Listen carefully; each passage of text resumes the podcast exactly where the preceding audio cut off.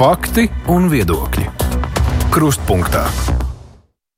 Aizsmeļamies, Tomsons šeit studijā. Jau vairākas nedēļas Latvijas raidījumā ziņo par lauksaimnieku protestiem dažādās Eiropas valstīs.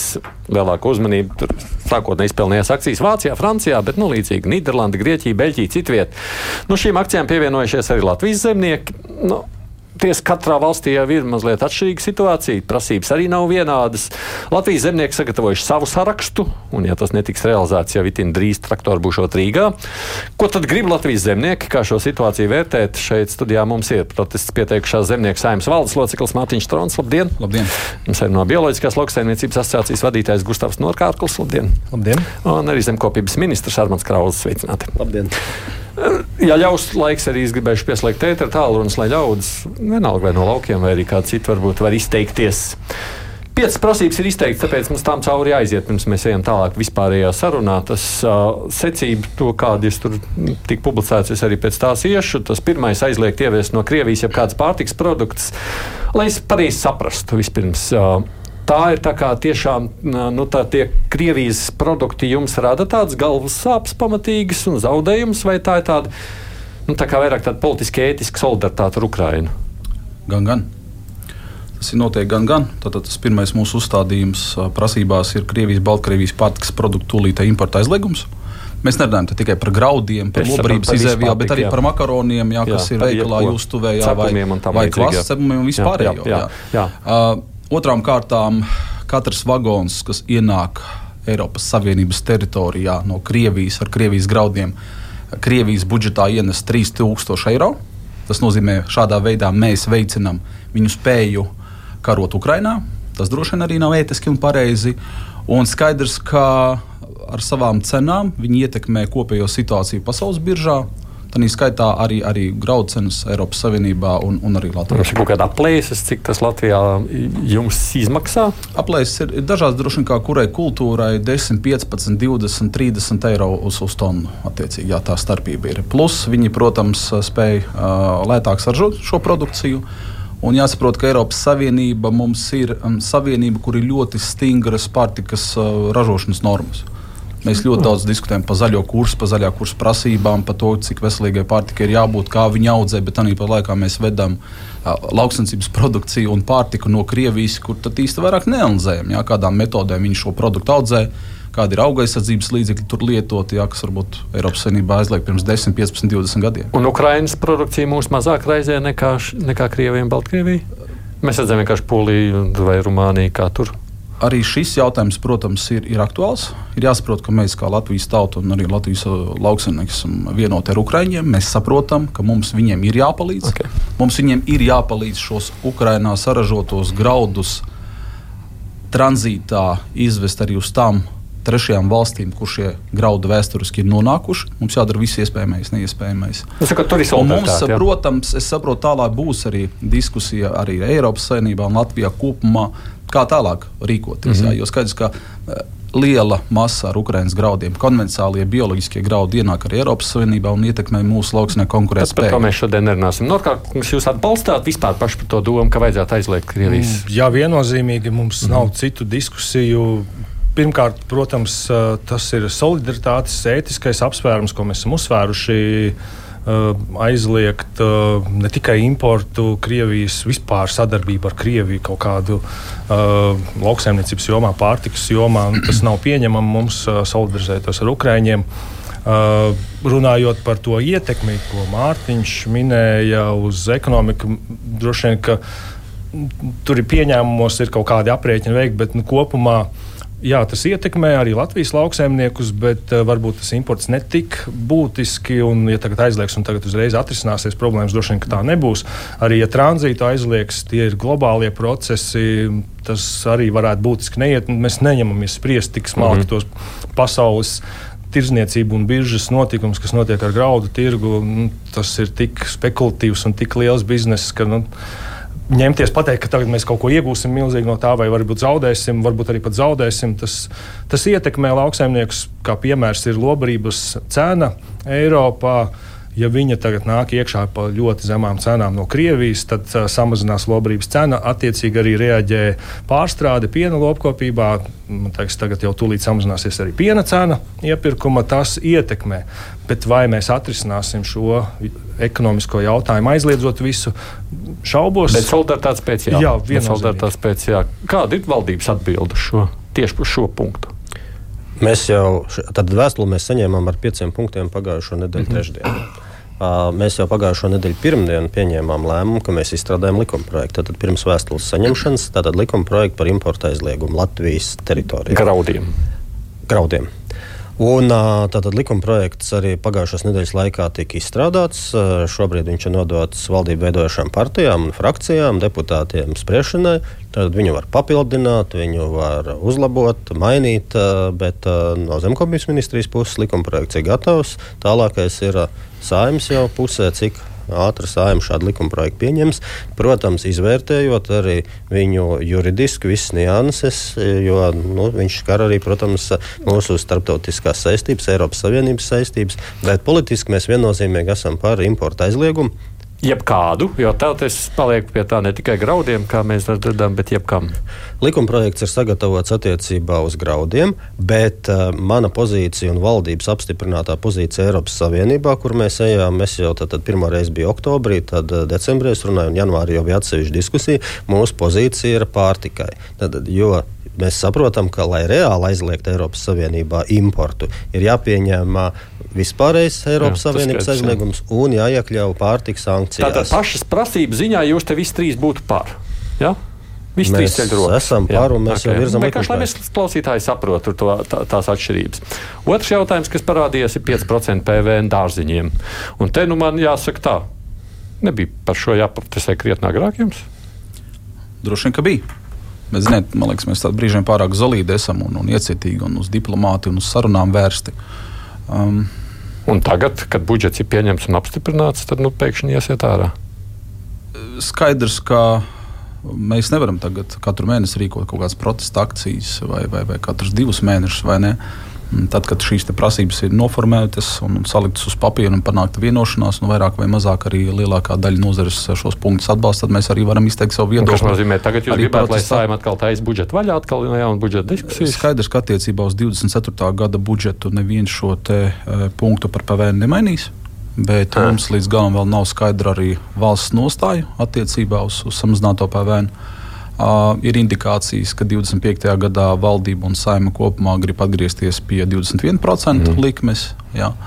Uh, mēs to noteikti nepieļausim, un mēs tomēr strādāsim pie tā, lai atgrieztos pie 5% likmes. Jo, jūs gribat panākt, domāju, arī... bet tas, ko jūs gribat panākt, es, es pie tās nākamās nedēļas mazliet pieturos, jūs gribat panākt, dabūt solījumu, ka uz 25. gadā tad, nu, būs atpakaļ uz 5%. 25. un turpmākajos gados. Jā. Es domāju, ka mums, uh, tomēr aktīvi iesaistoties jautājumu risināšanā, mēs vismaz daļēji esam šo problēmu atrisinājuši un ir nonācis līdz 12%. Kaut gan mēs sākotnēji atceramies, kāda bija ministrijas vadības vai valdības uh, kopējā nostāja. Jā, stingri jā. 21%. Jā, mums tagad jā. stingri ir 12%. Gribu saprast tajā pašā, ko saka bioloģiskajā par šo? Uh, jā, mums ir bijušas diskusijas arī biedrībā par šo jautājumu. Nav viennozīmīgs nodoklis. Nav. Jā, dalās domas. Ir, mums ir arī ogu ražotāji diezgan lieli, kas eksportē un arī vietējā tirgu piedāvā. Uh, es pietiekoši daudz sekoju līdzi arī informatīviem ziņojumiem, ko ministrija ir gatavojusi. Arī jau no 11. gadiem, kad laimdotas straujuma laikā tā iniciatīva parādījās, ir bijis viens cits pētījums, kur mazliet savādāk tika pagriezts, ka PVN nav izdevīga. Tad nāk nākošie pētījumi, kur ir, ir izdevīgi tas lauksaimniekiem. Uh, Es redzēju Zemkovijas ministrijas informatīvo ziņojumu, jā, tur ir labas tendences, bet pretī ļoti daudz ir finanšu ministrijas argumenti, arī kas ir vērā ņemami. Tur tāda konfrontācija notiek, katrs velk uz savu pusi.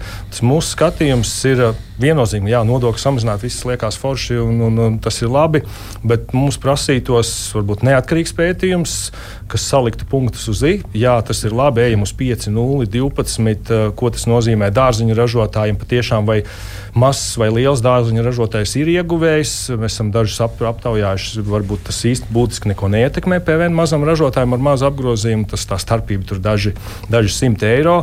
Uh, man ir daudz neskaidru jautājumu šajā ziņā. kopumā jā, mēs varētu atbalstīt, un jā, tas forši ir, bet vai tur sākās tad nākošais ir tirgotāji, var sākt spēlēties ar cēnu, ar savu uzcenojumu, tas ir vēl komplicētāks jautājums. Var sakot, šī iemesla dēļ jūs ielā neietu. Pagaidām. Pagaidām. Droši vien, ka jā, tas nav, nav Saprat. tāds, nav tik daudz precīzi skaidrs. Mēs saprotam, lauksaimnieks pār, par šo pārmetīs, ko es tagad teicu. Tas viennozīmīgi jā, kritizēs par šādu nostāju. Mēs esam runājuši par PVN ne tikai dārziņiem, bet arī bioloģiskai pārtikai, skolu iepirkumos, kas ir ļoti svarīgi. Tas veicinātu vairāk nonākt pieejamāku pārtiku. Mm, veselīga pārtika, visa pārtikas grozs. Tur ir nepieciešama plašāka diskusija un ne ieinteresētās mm. puses, bet ir skats no malas. Jā. Cik vispār iespējas ir, ka šajā laikā varētu valdība nu, par kaut ko beig beigās vienoties un nezinu, solīt, domājot jau par 25. gada nodokļu politiku? Tas nav dažu nedēļu jautājums. Tātad, tas, ko valdība ir izdarījusi un sājuma apstiprinājusi, tā, tā, tā ir 12% likme. Nu, gada, ir jā. premjeras tātad, uzdevums pēc pirmā pusgada izvērtēt zemkopības ministrijām sagatavot informatīvo ziņojumu iesniegt līdz 1. septembrim ar to, kā šī 12% likme darbojusies. Es no savas puses uh, esmu iesniedzis nodokļu politikas pārskatīšanas darba grupā uh, jautājumu, kas ir skatāms tātad PVN samazinātais visai pārtikai un ēdināšanai, jo tāda arī mūsu Zaļo un Zemnieku savienības pozīcija. Eh, bet diskusija, protams, nav tikai eh, nu, lēmums, nevar būt viens pašs zemkopības ministrijas, tas ir viss valdības kopā. Tāpēc mēs arī šajā nodokļu pārskatīšanas darba grupā iesniedzam. Attiecībā uz augļiem, dārzeņiem eh, es atgādināšu, ka tieši ZZS valdība bija tā, kuras laikā pieņēma, un tur bija trīs mērķi. Viens bija samazināt cenas patērētājiem, otrs bija apkarot ēnu ekonomiku, un trešais bija izlīdzināt vai uzlabot naudas plūsmu zemniekiem. Tātad pirmais cenas tajā brīdī kritās uz 11%, bet, diemžēl, šogad eh, nu, tur, kur salīdzināja starp Baltijas valstīm, īpaša starpība nebija. Otrs, ēna ekonomika ļoti veiksmīgi apkaroja. Centrāla tirgu, nu, atcerieties, kādas bija problēmas, kur tur no polijas veda fūras, un, un tagad pēc mūsu rīcībā esošās informācijas tā problēma vairs nav.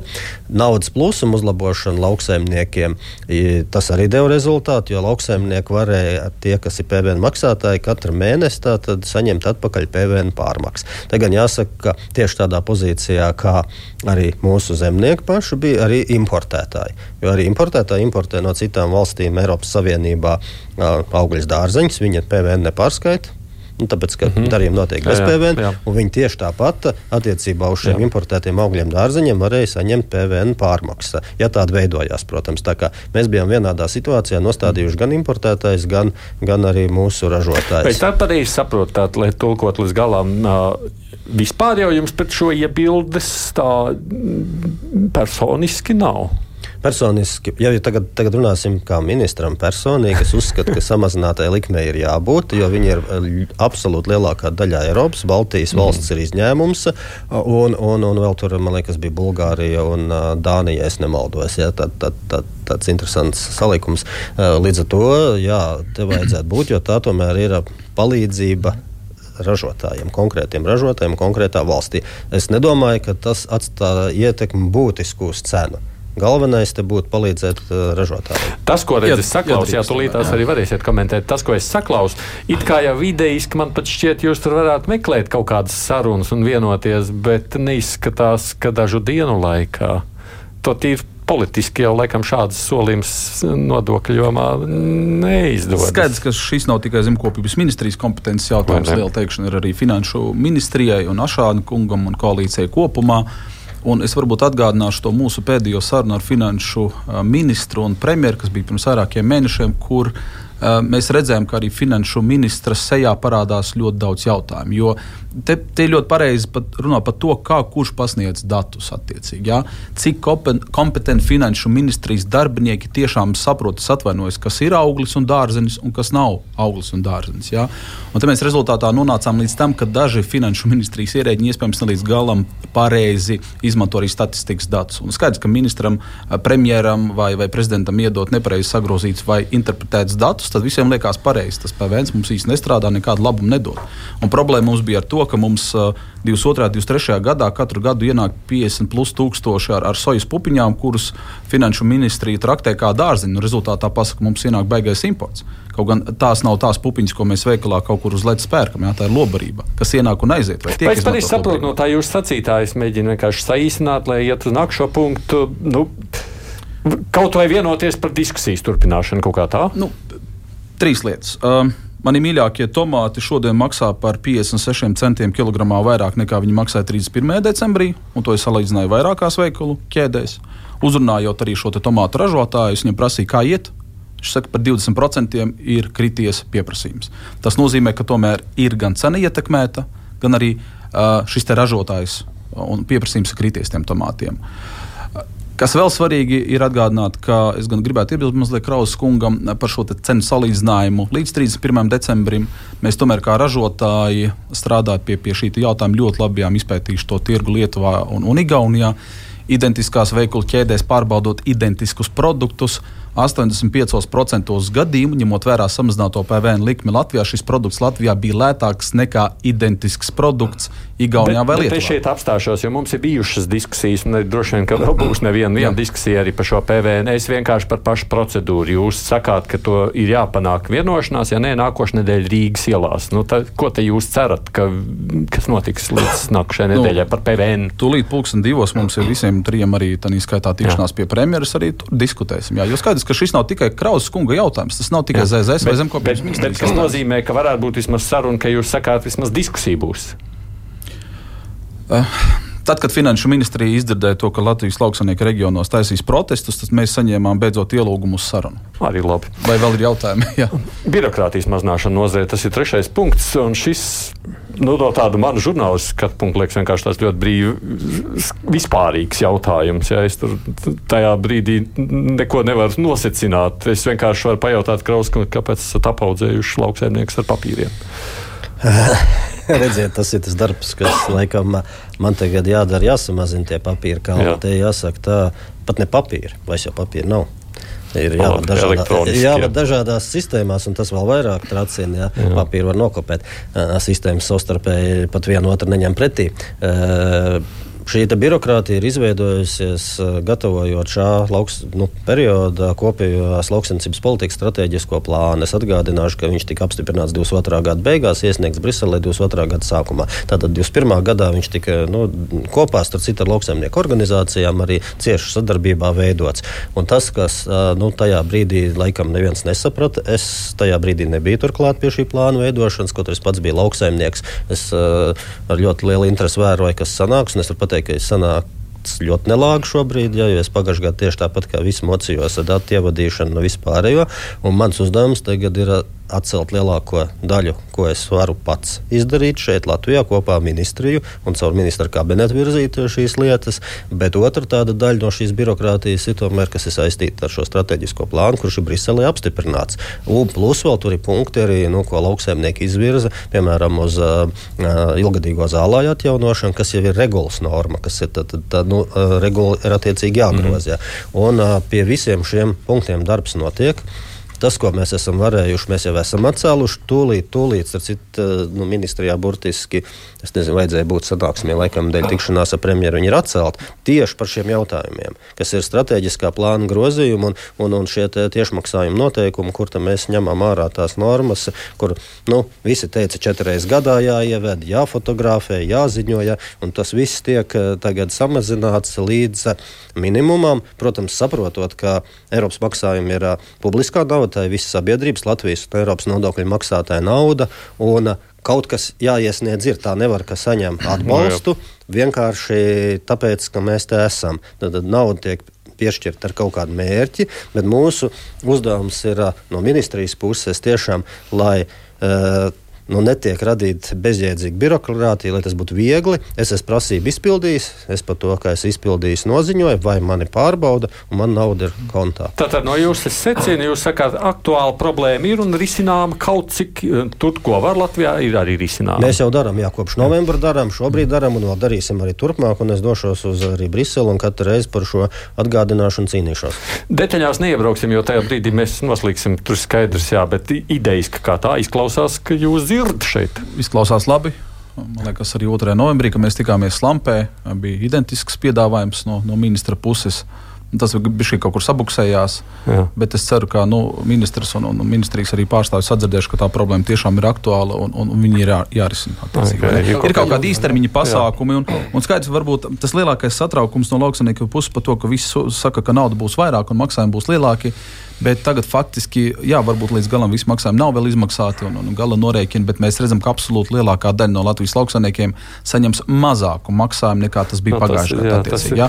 Un sarežģījumi, kas var šo, šiem maksājumiem piesakoties, izpildot prasības, bildējot, sniedzot atskaites, ir, ir tik sasodīti liels, ka principā liela daļa lauksaimnieku iespējams nākošais gads, ja kaut kas identisks saglabāsies, nepieteiksies tiem pasākumiem. Bet mēs saprotam, liela daļa nevar arī tās normas izpildīt. Tomēr tās detaļas mazliet ir svarīgas.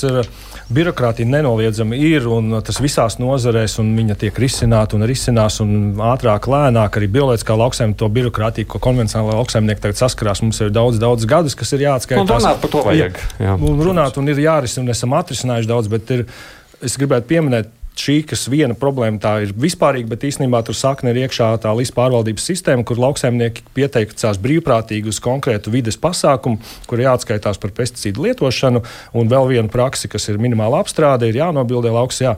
Un tur ir tehniskās problēmas un nesagatavota sistēma, kas ieviesies. Šī ir tā galvenā sāls, ko grib pacelt augšā, bet tā attiecās brīvprātīgi, kas pieteicās, un uz tūkstotis, varbūt daži tūkstoši saimniecību. Diviem ar pus tūkstoši. Jā, bet Latvijā ir aktīvas 20 tūkstoši saimniecību. Reāli tā nav visu Latvijas lauksaimnieku problēmu. Šī viena, ko izceļ, tas jāsaka mm. sa sabiedrībai jāzina. Protams, ka šis trešais punkts neatiec uz visiem. Visu birokrātiju tas nē, tas, protams, tas sarežģīti, ka liela daļa nepieteicās tam pasākumam. Jā, nu, nē, tur nebija tā. Nu, mēs varam teikt, nu, tehnoloģija visiem lauksaimniekiem nav precīzās tehnoloģijas mazākai daļai. Pamatā tur ir lielās saimniecības, kas piesakās, un uh, tas finansējums, jā, tur ir samazinājies, bioloģiskās ļoti mazāk, bet uh, nevajadzētu izcelt vienu to birokrātisko, tas, kas ir emocionāli daudzums, kas protestēt gāja, nemaz nezināja, par kādu birokrātiju cīnās. Birokrātija daudz lielāka. Nu, tas bija rakstīts punktos, Gusto. Tā kā es jā, domāju, mēs esam vienā laivā un tas ir viss kārtībā. Bet, lai zinu, ka ir cīņa par birokrātiju. Jā, labi. Dziļumā neejam. Bet es pas lampi gribēju varbūt vienu komentāru. Es tā kā jūs pieminējat, ka tur nekas nav izdarīts vai viena prasība. Viena, es rūpīgi izgāju cauri video. Es beigās video ir starp citu jūs paši ielikuši Facebookā. Jā. Un es saskaitīju 11 tur prasības, no kurām četras ir procesā, bet pārējās jā. septiņas ir izdarītas. Tā kā nu, jūs nedaudz uh, nepareizi. Tas ir birokrātijas kontekstā. Nē, nē, tas, ir, tas ir kopējā kontekstā. No, no visām slāmas prasībām to jebkurš var noskatīties. Par citām prasībām mazliet pieiesim vēl beigās tālāk, paskatoties tam līdzīgi. Tā ceturtā problēma ir tātad plašāks atbalsta programmas un apdrošināšanas iespējas. Ko jūs sakāt par šo? Uh, jā, mēs atkal nepārprotam, ka mēs, mēs atbalstam šādu apdrošināšanu, kas ir vajadzīga sējumiem. Protams, tā sistēma ir daudz gadus atpakaļ ieviesta, lai veicinātu lauksaimnieku apdrošinās, un viņa palaist vajadzēja. Tas atbalsts sākot sākotnēji bija liels, viņš tagad ir samazināts. Ir, ir vairāk lauksaimnieki, bet tās budžeta prasības ar katru gadu pieaug, un tas finansējums jau man kā trīskāršojies, kas ir vajadzīgs no budžeta, mm -hmm. no sabiedrības. Uh, vajadzīga programma, nepārprotiet, uh, bet uh, mēs aicinām, esam aicinājuši ministriju pārskatīt, cik efektīvi tā apdrošināšana strādā, vai valstī jāapdrošina viss, kas ir tiek iekļauts tur apdrošināšanā. Ja mēs, piemēram, salīdzinot, es braucu darba darīšanās no valsts uz pasākumu kādu un mani apdrošina, bet es pa to laiku vēl aizbraucu sportot uz augstāku risku, kaut ko daru vai neesmu izdarījis kaut ko, un tad es, man arī tur iekļauju apdrošināšanā valsts finansē. Nu, tomēr jāapskatās, kurus riskus kā, nu, vajadzīga mazliet revīzija, reforma šajā, jo tas pieprasījums no budžeta būs ar katru gadu augsts, lielāks un lielāks apdrošināšanai. Cik tad jautājums no valsts sabiedrības mēs gatavi esam? Tagad ir 15 miljoni, jau 30% pieauga. Gribēs nākošais gads pieteiksies vēl vairāk, tas būs jau 20, 30. Es nevaru tā precīzi pateikt, bet manuprāt, tur jāskatās, lai apdrošināšana strādāt efektīvi. Varbūt jāskatās nozarēm, mēs sakām, bioloģiskiem palielināt to atbalstu apdrošināšanu, jo tur ir grūtāk, sarežģītāk, tā prēmija ir lielāka jāmaksā, riski varbūt arī lielāki. Mums nav iespējas izmantot ķimikālijas vai mēslojumu un kaut kā glābt tos sēmus. Tā kā mūsu aicinājums ir revīziju, pārskatīt. Un sistēma rev... var sakot, tas, ko saka pašreizie zemnieki, ja zemnieks saimē tām savām prasībām, tas ir pārāk vienkāršos uzstādījums. Nu, mums tā jā, izskatās. Tas ir prasam vairāk, vairāk naudas, un tad ir kopsta, kopskatā kopējais valsts budžets. Mums vajag PVN, mums vajag šeit, bet ir vēl daudz iniciatīvas, kas ir vajadzīgas no valsts budžeta lauksaimniekiem, un šeit ir arī daži simti vai tūkstoši saimniecības no visām 20 tūkstošu saimniecībām. Tā kā arī jāskatās kopēji visi var pieteikties. Es saprotu, ka ir daudz lietas, ko neapdrošina. Dažādas apdrošinātāji arī tur ir sava sistēma, savs bizness. Kā, nu, jā, vienkārši mēs prasām, dodiet naudu no budžeta. Mūsuprāt, tas nav godīgi pret sabiedrību, pret citām nozarēm. Cit... Nu, proti, jūs aizstāvat savus intereses, Trankungs, tajā visā sadaļā. Ja, bet, te, uh, Nu, vajadzētu palūkoties uz visu kopējās intereses. Nu, jūs paliekat sašķelti šajā punktā tieši iemesla dēļ. Tā es sadzirdu. Nu, es saprotu, ka Gustavs daļai mūs atbalsta, bet daļai, es, es varbūt pa, pa, pa, atbalstam apdrošināšanu. Saprotu, tas ir ļoti jā. labs instruments. Skaidrs, bet... ka tas ir viss sarežģīti, bet jāatcerās, ka nu, pirms vairākiem gadiem bija tāda vienošanās arī, arī valdībā par to, ka lai lauksainieki nenāktu katru gadu un neprasītu kaut kādu veidu atbalstu no valsts budžeta līdzekļiem, ja uznāk kaut kādas dabas kataklizmas, jā, kails, sals, krusa vai tam līdzīgi, sausums, lai ir apdrošināts apdrošināšana. Mm -hmm. Un tas, mūsuprāt, ir pareizāk, ka daļai no valsts budžeta, daļai no Eiropas Savienības līdzekļiem, ja, nu, tad to naudu nevis notralinam tur dažādām lietām, bet novirzam arī apdrošināšanā, ja, kur bioloģiskiem konvencionāliem lauksaimniekiem, augkopības, lopkopības sektoram ir iespējams nopirkt polisi un šo risku tas uzņemās apdrošinātājs. Tas arī nav, nav šaubu par to. Krusta, sausums un vispārējais. Arī augļos un dārzņos ir jāvirzās uz to, lai šis produkts ir pieejams un lai šīs saimniecības apdrošina. Un gadījumā, ja uznāk kails, saules, krusta vai kaut kas cits, arī šīs saimniecības no, var saņemt atbalstu no šajā ziņā. Noteikti mums jādomā ilgtermiņā par to, kā finansējumu iedot Lai, lai, lai tā lai valsts jums iedod naudu, lai jūs varētu apdrošināties. Ir pieejama arī Eiropas Savienības budžeta līdzekļi. Tātad, tie nu, arī ir, tie arī ir pieejami, un mēs viņus arī varam novirzīt šīm vajadzībām. Mūsuprāt, ir, ir pareizāk, ka valsts palīdz mazliet ar atbalstu, lai tiešām tādā gadījumā, kad ir slikti apdrošinātājs. Jā, bet jums jau tiek piešķirts, kā tas saka, tas nozīmē, jūs sakāt, ka vajag vairāk naudas. Šis atbalsts un tās intensitātes un, un kārtas ir ļoti saraustīts. Mēs principā nevaram prognozēt, kas notiks tālāk ar to apdrošināšanu. Bet, pali, bet, bet es secinu, jā, tā tad vienkārši vajag vairāk naudas dotajā momentā, ja ir vairāk pretendentu, tad vajag arī vairāk naudas. Nu, tā. Un ko tad saka ministrija? Uh, Pirmkārt, nauda vairāk ir piešķirta. Ja pagājušajā gadā bija ap 10 miljoniem, šogad ir ap 15. Tad to mēs jau izdarījām. Nedzīvojam vienu gadu. To jā, mēs izdarījām pagājušā gada tad, tad nogalē. Tas ir numur viens. Uh, numur divi. Slampē bija prasība, ka jāmaina kārtība un jābūt vienai garai kārtai vai arī divām pietiekoši garām kārtām. Ja es atgādināšu, ka pagājušo gadu, jāsaka, vasarā, tas ir iepriekšējā valdības laikā, tika grozīta kārtība, kas arī man bija pilnīgi nepieņemama. Vasarā vienu mēnesi uz īsu brīdi atvēra, lielā steigā bija jāiesniedz, tajā laikā, kas strādājas, tur citus laukiem daļa neiesniedz šīs polijas uz apmaksu, un uh, mēs vienojamies Lampē, ka būs garāka kārta. Ministra, tāda nauda, Tas pēc tās vērtības. Jā, jā, jā, nauda tika piešķirta. Un uh, ministra kabineta noteikumi ir izstrādāti. Nu, viņi ir saskaņošanas procesā ar organizācijām. Te man jāsaka, ka tas nav vienkāršs process. Piemēram, mēs no zemnieku saimnes esam trīs vēstules saņēmuši. Visu laiku mainās starp citu vēstuli saturs. Viena bija 5. janvārī, tad 10. tad 26. janvārī. Visu laiku jūs gribat kaut ko papildināt, mainīt. Ja? Tas, tāpēc arī šobrīd tie noteikumi vēl nav ministra kabinetā. Ja? Savādāk nu, no mūsu puses viņi jau varēja būt un kā kārta varēja būt eh, liela, gara, ko es arī esmu apsolījis, lai var sākt. Tā kā senāk bija, senāk, kā tu nopirki polisi, tu jau rudenī iesniedz, eh, tev apmaksāja to polisi, nopirki pavasarī, apmaksāja, eh, un, un, un šī kārta bija ļoti ilgi pieejama. Man liekas, ka tad, tad mēs esam izdarījuši visu no savas puses, tad ministra kabineta noteikumi ir sagatavoti, nauda piešķirta ir, un līdz ar to nu, šī prasība vispār es neredzu, kāpēc, kāpēc viņi ir šeit ierakstīti.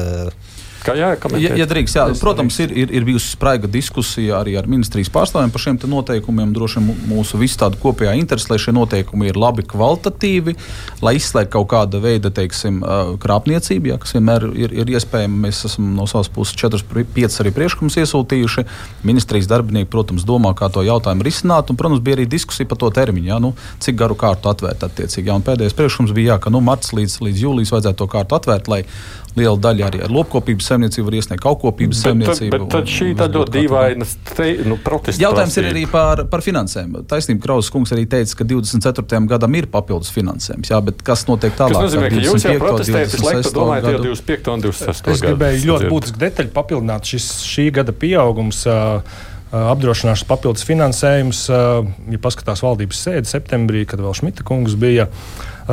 Šī nauda bija paredzēta īstenībā lopkopībai, papildus klāt ārkārtas Eiropas atbalstam. Un, jūs zināt, nesen bija tie skandāli, ka tas atbalsts ir tikai 19 eiro 87 vietā. Un, reāli tā, tas finansējums tur bija nu, tur garāks stāsts ir tajā visā, bet reāli tā daļa finansējuma tomēr aizgāja apdrošināšanai, nevis lopkopiem. Ko atņēma lopkopiem, iedeva apdrošināšanai? Nu, tur jā, bija tur, manuprāt, 6,8 miljoni tur varēja sadalīti 3 miljonu augļiem dārzeņiem. Jā, to visu vienojās. Jā, tur ir skaidrs, bet tur jā, bija papildus 200%, 13. Jā, varēja būt valsts 200% piešķīra klāt, valdība piešķīra 200% klāt tos 13 miljonus, un tā nauda aizgāja kredītprocentiem, apdrošināšanai un pārējiem lopkopiem. Un iniciators nu, īstenībā ar zemnieku saimnu tajā visā bija.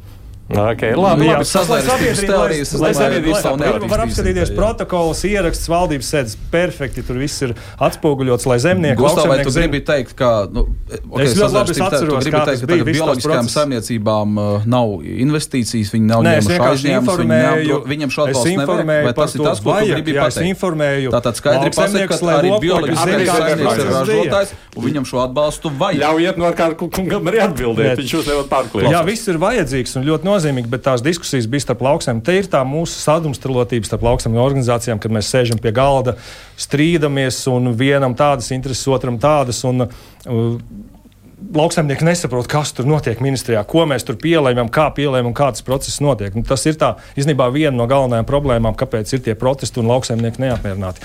Ka mēs tur plēšamies, uh, lauksaimnieki savā starpā, ministrijas, man žēl, ministrijas ierēģus, tā nomāktība, briesmīgā sajūta pēc visām sanāksmēm, ka mums nav gandarījuma par padarīto darbu, bet visu laiku ir negācijas. Un, Un tas deķīts tiek vilkts uz visām pusēm, uz to pusi, uz otru pusi, un, un uh, katram savas intereses. Tā ir viena no galvenām problēmām.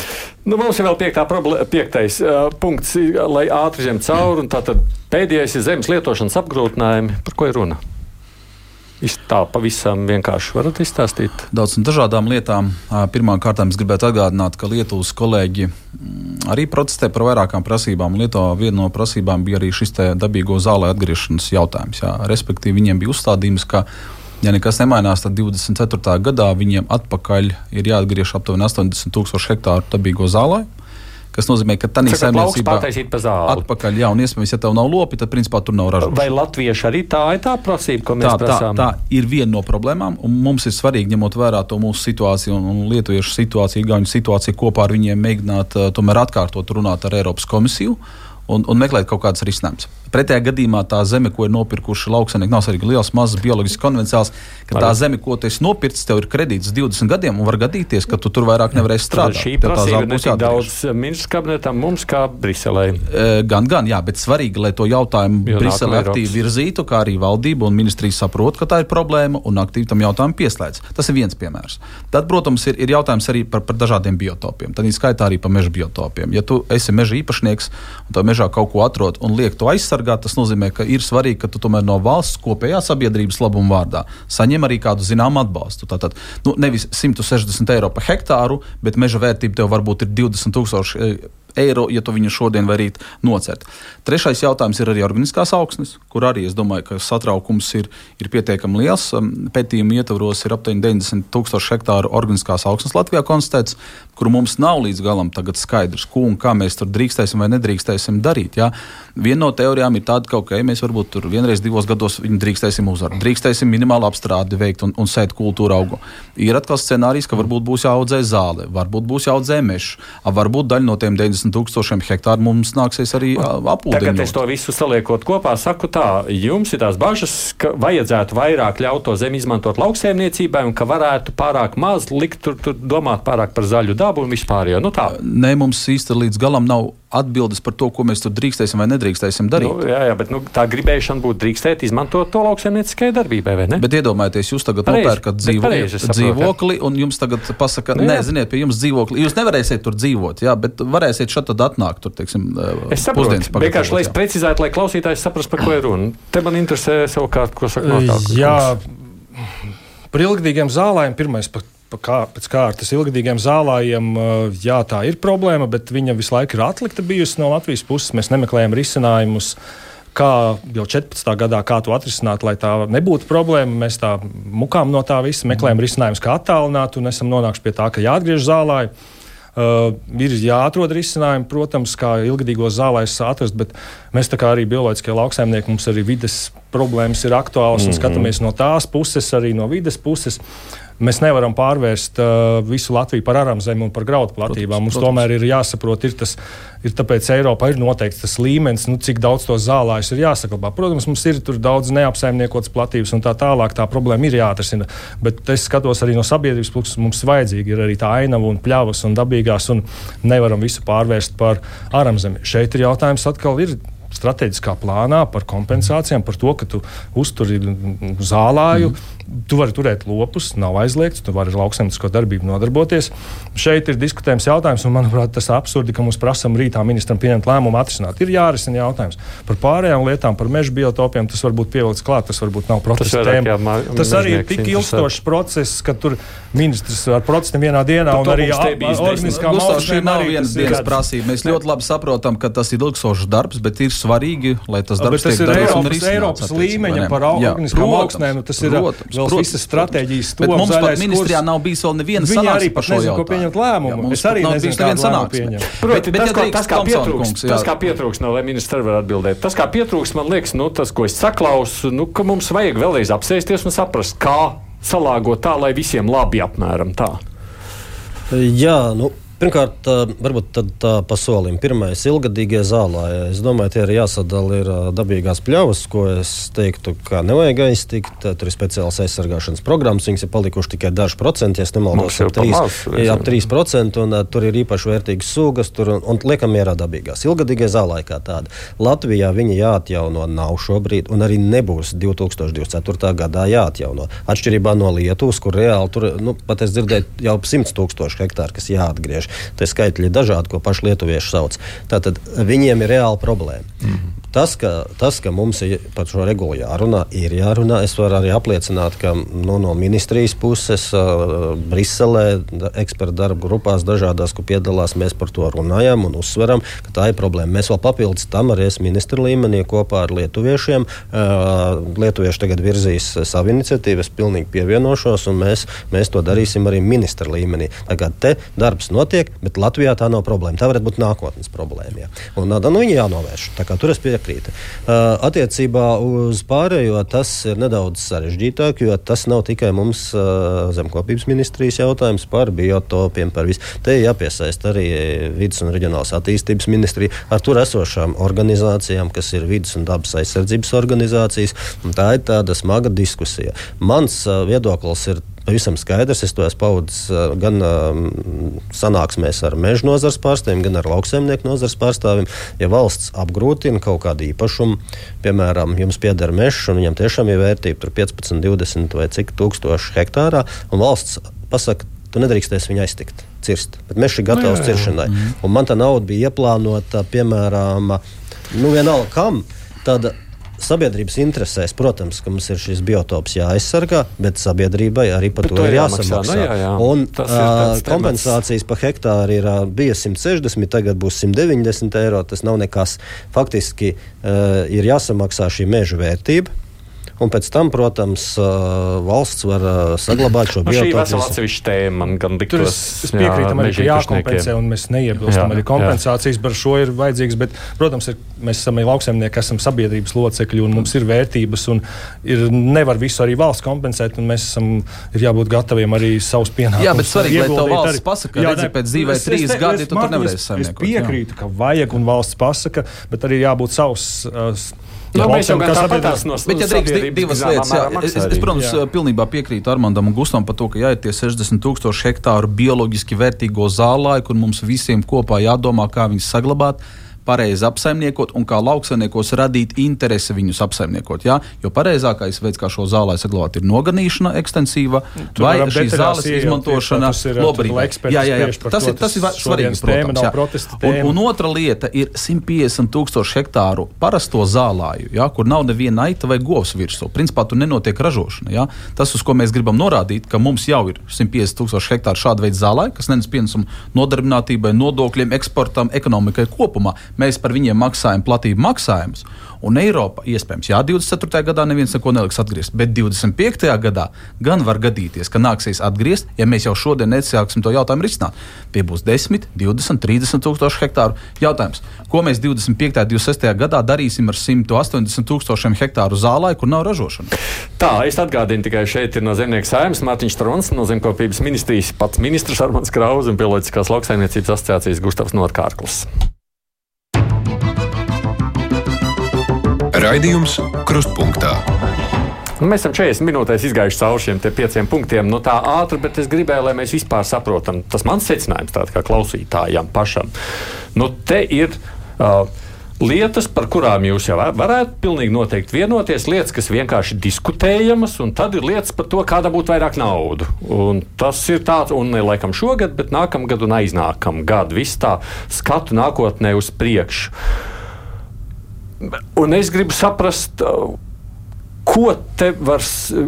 Jums, laikam, no ministra jāsaka, jums ir skaidrs, ko jūs varat izdarīt, lai viņi te nebrauktu nākošais nedēļa ar trankiem pa brīvību tankiem.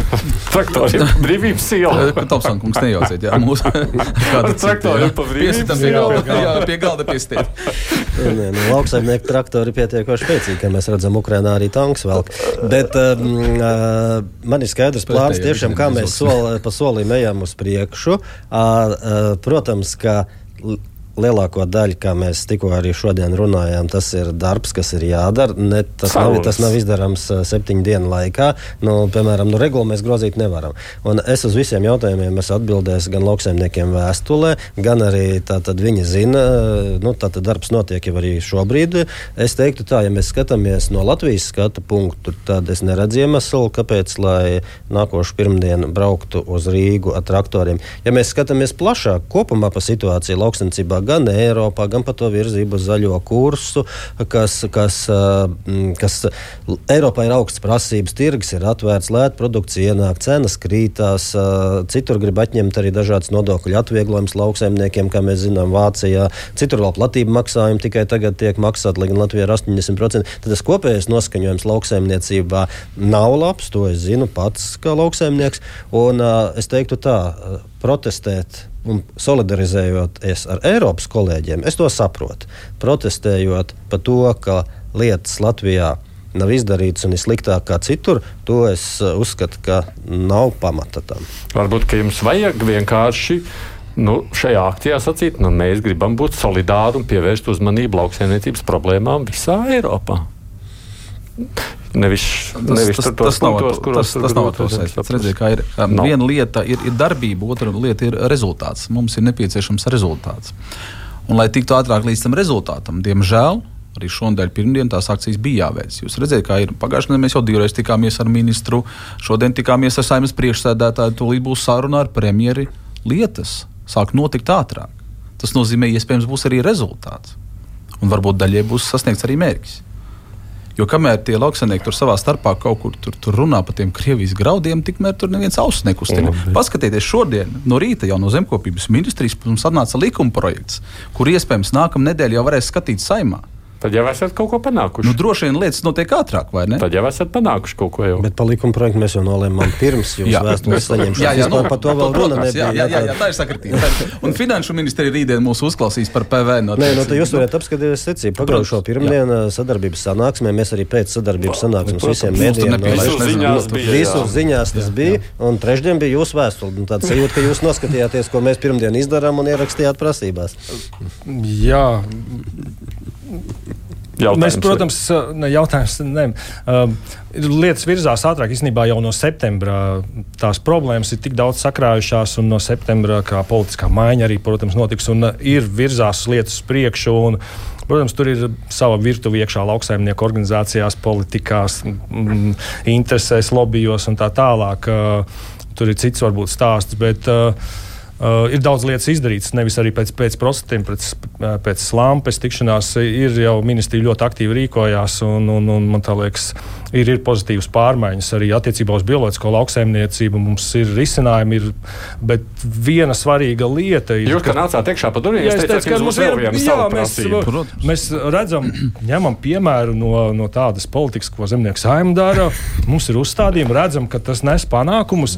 Ministrs visam piekāpjas, kur var piekāpties. un Šis, šī prasība, ko es izvirzīšu, kas ir gadiem, fundamentāla prasība, ko, kas nav izdarīta, un visi ministri ir baidījušies, politiskie spēki ir baidījušies to izdarīt. Kaut gan to rekomendē gan Eiropas komisija, gan uh, mums ir agrārās ekonomikas uh, institūts, kas veic novērtējumus strateģiskam plānam, lauksaimniecībā, maksājumu sistēmai, visām visām uh, intervencijām, visiem pārējiem. Un uh, visu laiku tie visi rekomendācijas ir noliktas dziļi, dziļi atvilknē, plauktā. Arī tagad par šo jau gadu ir rekomendācijas un novērtējums. Un tas fundamentālais lauksaimniekiem ir uh, mazie vidēji lauksaimnieki un viņu atbalsts, ko Eiropas komisija saka, vajadzīgs lielāks. Tiešmaksājumi griezti lielajām saimniecībām, superlielajām saimniecībām. Latvija ieviesa pašu minimālāko, cik vien var minimālāko to sistēmu, lai atbalstītu mazos vidējos. Uh, tur ir daudz dažādi pasākumi. Un tas mūsu aicinājums arī tikko diskusijās jau ar ministriju bija darba grupās uh, Zemnieku federācija, mazo lauksaimnieku pārstāvju rosināja, nu beidzot atrisinām šo jautājumu.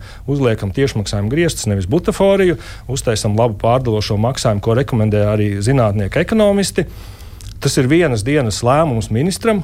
Tagad top uh, grozījumi strateģiskā plānā kas ir ministra lēmums, organizācijas to prasa. Izdarām šīs divas lietas, ko rosina Zemnieku federācija, ņemot vērā rekomendācijas no Agrārās ekonomikas institūta, un iztaisām sistēmu, lai mazie vidēji tas būs lielākā daļa, 20 pār tūkstošu lauku saimniecības. Manuprāt- Mazās vidēji, pagaidiet, Mārtiņ, es pabeigšu, es atvainu. Un tā, es zinu, ievildīs momentā, Es liela- tāpēc, ka realtātē, ko jūs sakāt, jūs to pašu deķīti vien gribat pār, pār, pār Jā, bet tas ir. Bet, ja to rekomendē komisija, uh, lauksaimnieki, Komisija lielākais rekomendē arī vairāk naudu risku vadībai, apdrošināšanai Dažādām lietām. Jā, un, un tas ir desmitiem gadu ir nolikts vienmēr malā, neviens nav uzdrošinājis. Un šis risinājums jau šajā gada beigās dos ievērojumu. Īsnībā protestos gāja arī daudz mazie vidēji, kuri Arī gaida tādu, jā. jā, arī bioloģiskie. Mēs arī ne, neaizliedzām lauksaimniekiem piedalīties. Mēs aicinājām piedalīties, jūs to uzskatāt, ir vajadzīgs. Bet uh, mums nav pret šiem protestiem. Bet šī ir fundamentāla lieta, lai atrisinātu to, tas visā Eiropā, lai atrisinātu kaut cik jēdzīgāk virzīties uz to minimālā, virs minimālās prasības, kas ir vajadzīga, ko Eiropas komisija rekomendē. Un īstenībā šogad tā minimālā prasība, lai atbalstītu mazos vidējos, neizpildās. Un vajadzētu to risināt. Jautājums ministram, jūs esat Es gatavi? pajautāšu, pajautāšu. Jā, esat gatavi to izdarīt. Jūs Pagaid, visas prasības priekš- Man, bišķi, es atvainu, man vienkārši neizpratnē. Es pats piedalījos tajā sanāksmē un šo te priekšlikumu Jūs paudu. noraidījāt, jūs uh, saucāt mūs par kap. Komunistiem Nē, nē, sociālisms. Mēs teicām, ka sociālisms atgriežas. Dedzināsim, dedzināsim muižas, pilis, atņemsim saka, naudu pārējiem, jā, un uz Sibīriju. Uh, bet uh, tas, kas mani pārsteidz, tas, ka šo priekšlikumu sanāksmē pauda biškopības biedrības pārstāve. Attiecīgi. Tāpēc, ka nebija viņa deleģēja uz Zemnieku federāciju, nevarēja tikt uz sanāksmi, viņa deleģēja. Mēs arī esam padomus sēdē skatījāmies tā piebiedrojāmies. neizpratnē esmu, jā, jā. Nu, Nu, tas ir tehnisks Bet, bet kā lai tagad ministrs Armāns Krauzē tad, uh, atbild uz, uz, uz Jā, priekšlikumu, ko ir viņam mēs bijis iniciēta? mēs kā bioloģiskie lauksaimnieki atbalstam pagājuši- šo brīnišķību Manuprāt, uh, gadā bija, pilnīgi jā, bija viennozīmīgi diskusijas, protams, par šo jautājumu, jo tās saimniecības Latvijā kādam patīk vai nepatīk, bet ir ļoti dažādas. Jā, ir saimniecības, kas ir lielas, kur ir daudz, negribam vai ne? Un tagad pateikt, ka. Jums atņemt naudu tikai tāpēc, ka jūs esat neatņemam. lielāki. Tas jā, nav nekā kāds cits. Nē, tā ir pārdala. Tur ir Tā jāskatās mērķi, Zolīdāks vārds ir jā. ar jums ir grūti sarunāties. Jūs abi reizē runājat, nu viens beigās nesaprot, ko katrs saka. Jā. Kurā gadījumā tā ir deķīša taucīšana savu pusi, bet ja, Nē, tā nav savu pusi, Bet, tas ja ir visu godīgi tā palūkojas uz to problēmu, ir laiks palūkoties un varbūt vairāk atbalstīt mazos un vidējos, nu, droši vien. Es nezinu, vai obligāti tikai uz lielo rēķinu, bet nu, vienkārši lielāku atbalstu. Uz kāda rēķina tas jau notiks. Jā. Uz kāda rēķina notiks? Jā. Pirmkārt, jā, tie visi priekšlikumi ir iesniegti. Es noteikti arī uzklausīšu organizāciju viedokļus. Man, protams, ir svarīgi, lai tas nav vienas organizācijas eh, priekšlikums, bet lai eh, vairums no lauksaimnieku organizācijām to atbalsta. Es vienmēr esmu uzskatījis, ka ir eh, jābūt šim demokrātiskam procesam un lauksaimnieku sabiedrības iesaistīšanai lēmumu pieņemšanā. Protams, ka tas beigās ir politisks lēmums, bet politisks lēmums nevar būt pretēji nozares interesēm. Tāpēc uzklausīšu organizācijas, jāsaprot arī, kādas ir vajadzības. Ja mēs runājam piemēram par šo pašu riska fondu, es arī uzskatu, ka mums jāveido vēl attiecīgi riska fonds, kur lauksaimnieki iemaksā, lai nu, nosaka tos za- zaudējumus, ko nevar nokompensēt. Nu, šis jautājums, kas ir pārdalošais maksājums, tas ir viens no darba kārtības jautājumiem, kas ir iesniegts. Es apsolu, ka uh, es arī iesaistīšos šajā diskusijā, izrunāšu ar organizācijām. Uh, par gala rezultātu es nevaru apsolīt. Jo nu, te ir jāsaprot, kāds ir tas mērķis. Mums ir daudz pasākumu, kā Mārtiņš Trons minēja, kur trūkst finansējuma. Ja? Tad, ieviešot jebkādu finansējumu pārdali, protams, kad jāsaprot, ko mēs finansējam un kā tie iepriekšējie mērķi tiks sasniegti. Ir viena lieta, gan, ko es vēlos gan Gustavam, gan Mārtiņam. atgādināt, ka mans uzskats kā ministra bija, ka mēs šoreiz šajā gadā par naudas pārdali nerunājam, jo iepriekš tas strateģiskais plāns ir pirmo gadu, tad, tad ir realizācijā. Mēs mēģinām novērst birokrātiju, mēs saprotam, kuri pasākumi darbojās uh, efektīvi. Kuri nedarbojās, jo katram pasākumam ir nospraust mērķi. Un, ja mēs tos mērķus nesasniedzam, tad var būt sekas no Briseles. Starp citu, nu, dažādi, dažādas viņas var būt. Ja. Un, un tāpēc, un tāpēc eh, izvērtējām, jā, kā, kā viņš ir pirmo gadu darbojies, vai mēs tos mērķus sasniegsim vai nē. Bet vienkārši pārdalīt naudu, tāpēc, ka mēs gribam kaut ko pārdalīt, eh, kādam piešķirt, es teicu, šogad nē. Ja mēs redzam, ka kaut kur kāds mērķis netiek sasniegts un ka mums var būt sankcijas no Briseles, tad mēs varam runāt arī par naudas Nu, pārdali. šis, protams, ir konceptuāls dabas jautājums vispār par to, kādu mēs redzam Latvijas attīstību nākotnē un kas notiek ar Latvijas laukiem. Es teiktu, ka šī varbūt ir viena atsevišķa tāda plašāka saruna. Pabeidzot, man ir jābeidz, un man jāatvainojas klausītājiem. Es biju domājis, ka es varētu kādu zvanu uzklausīt, bet mēs nepaspēsim. Nu, mums pietiekoši karsti gāja tepat uz vietas. Mums ir vienkārši jāsaprot, būs tad pirmdien jums tie traktori, nevis tanki Rīgas ielās. Pulksten divos mēs tiekamies ar premjeru. Jā. Es domāju, arī, arī premjerai jāuzņemās kaut kāda atbildība, tomēr kā valdības vadītājai. Es domāju, ka Krausas kungam tā esošā situācija ir tāda neapskaužama. Jā, jo ģeopolitiskā situācija, cenu kritums, lauksnesības nozare, izēvielu cenu kāpums, atbalsta samazinājums, jā, neapskaužama situācija. Un droši vien tā mūsu kā nozares nelaime, un es domāju, ka Gustavs arī piekritīs, ir tas, ka mums tādā īsā laika periodā ir nomainījušies trīs ministri. Un tas nav labi. Tas nav labi, ka nāk, iet partijas ministri, mainās. Protams, ir jānotiek rotācija. Jā, na- nav mums tā kā saka, kaut kāds zilo asiņu princips, bet tas, ka mainās ministri, mainās uzstādījumi, ministru biroji mainās, teiksim, tā, jā, redzējums mainās, Nu, tas tas, mums kā nozarei nenes labu. Jā. Bet, Mārts, sakot, jūs sakāt, pēc šīs dienas sarunas varētu tapt skaidrāks, kādā virzienā traktori lūkosies. Jā, pirmdien. Motori jau kā saka, ir iedarbināti šīs nedēļas sākumā. eh, Bet- Tauta ir gatava, ir jādod tikai starta šāviens. Vai dos vai nedos, tas atkarīgs no sarunām. Protams. Tā saka Mārtiņš Strunke, kurš ir zemnieku saimnes valdes loceklis. Šeit bija arī Bioloģiskās lauksaimniecības asociācijas vadītājs Gustavs Norkārklis un zemkopības ministrs Armāns Kraus. Paldies, jums, ka atnācāt. Paldies. Bija interesanti arī dzirdēt jūsu sarunas, lai jums izdodas uz priekšu vienoties. Droši vien pāris temati no tiem, ko mēs te pieminējām, ir kaut kādas atsevišķas diskusijas vērts šeit arī Latvijas radio studijā, un jau mēs arī pie tiem pievērsīsimies mūsu raidlaikā. Rīt kruspunktā žurnālistiem klausītājiem iespēja izveicāt iekšlietu ministru Rikārdu Kazlovski. Nu, kā zināms, drošības jautājumi, tur policijas darbs, robežsardzes, pilsonība, migrācija, visi visi temati, kas ir uh, arī aktuāli un par kuriem jūs rīt varēsiet jautāt. Mums ceturtdienas atgādina amatpersonu dienas, kad iespēja klausītājiem, žurnālistiem uzdot savus jautājumus. Mēs vēl tiekamies ar klausītājiem, radio klausītājiem pēc pusdien trijiem raidījumā divas puslodes, kas ir veltīti pasaules notikumiem. Tur šoreiz lielāka uzmanība būs pievērsta Ukrainai un Krievijai, tāpēc, ka, nu, kā mēs redzam, Ukrainā karš ir iedzinis ķīlis starp prezidentu un bruņoto spēku komandieri. Un, nu, izskatās jau arī, ka tās militārās palīdzības grūtības, ar kurām Ukraina ir saskārusies, būs jārēķinās Ukrainai arī ar tiem turpmāk, jo Savienotās valsts, kā mēs redzam, nav īsti gatavas palīdzēt Ukrainai šobrīd un kā tur viss situācija virzīsies uz priekšu. Un Krievijā, tikmēr, kā mēs redzam, Putinam izaicinājumu mēst mēģinājis tāds Naģežģins, kura centrālā vēlēšana komisija, protams, negrasās pielaist pie iespējas viņam kandidēt. Mēs par to visu tātad runāsim Latvijas radio viens ēterā pēc stundas. Tas attiec tiešām uz radio klausītājiem. Bet kruspunktā gan šodien izskan producēto Ievzeiz un studijā sarunu vadīju es Aidis Tomsons.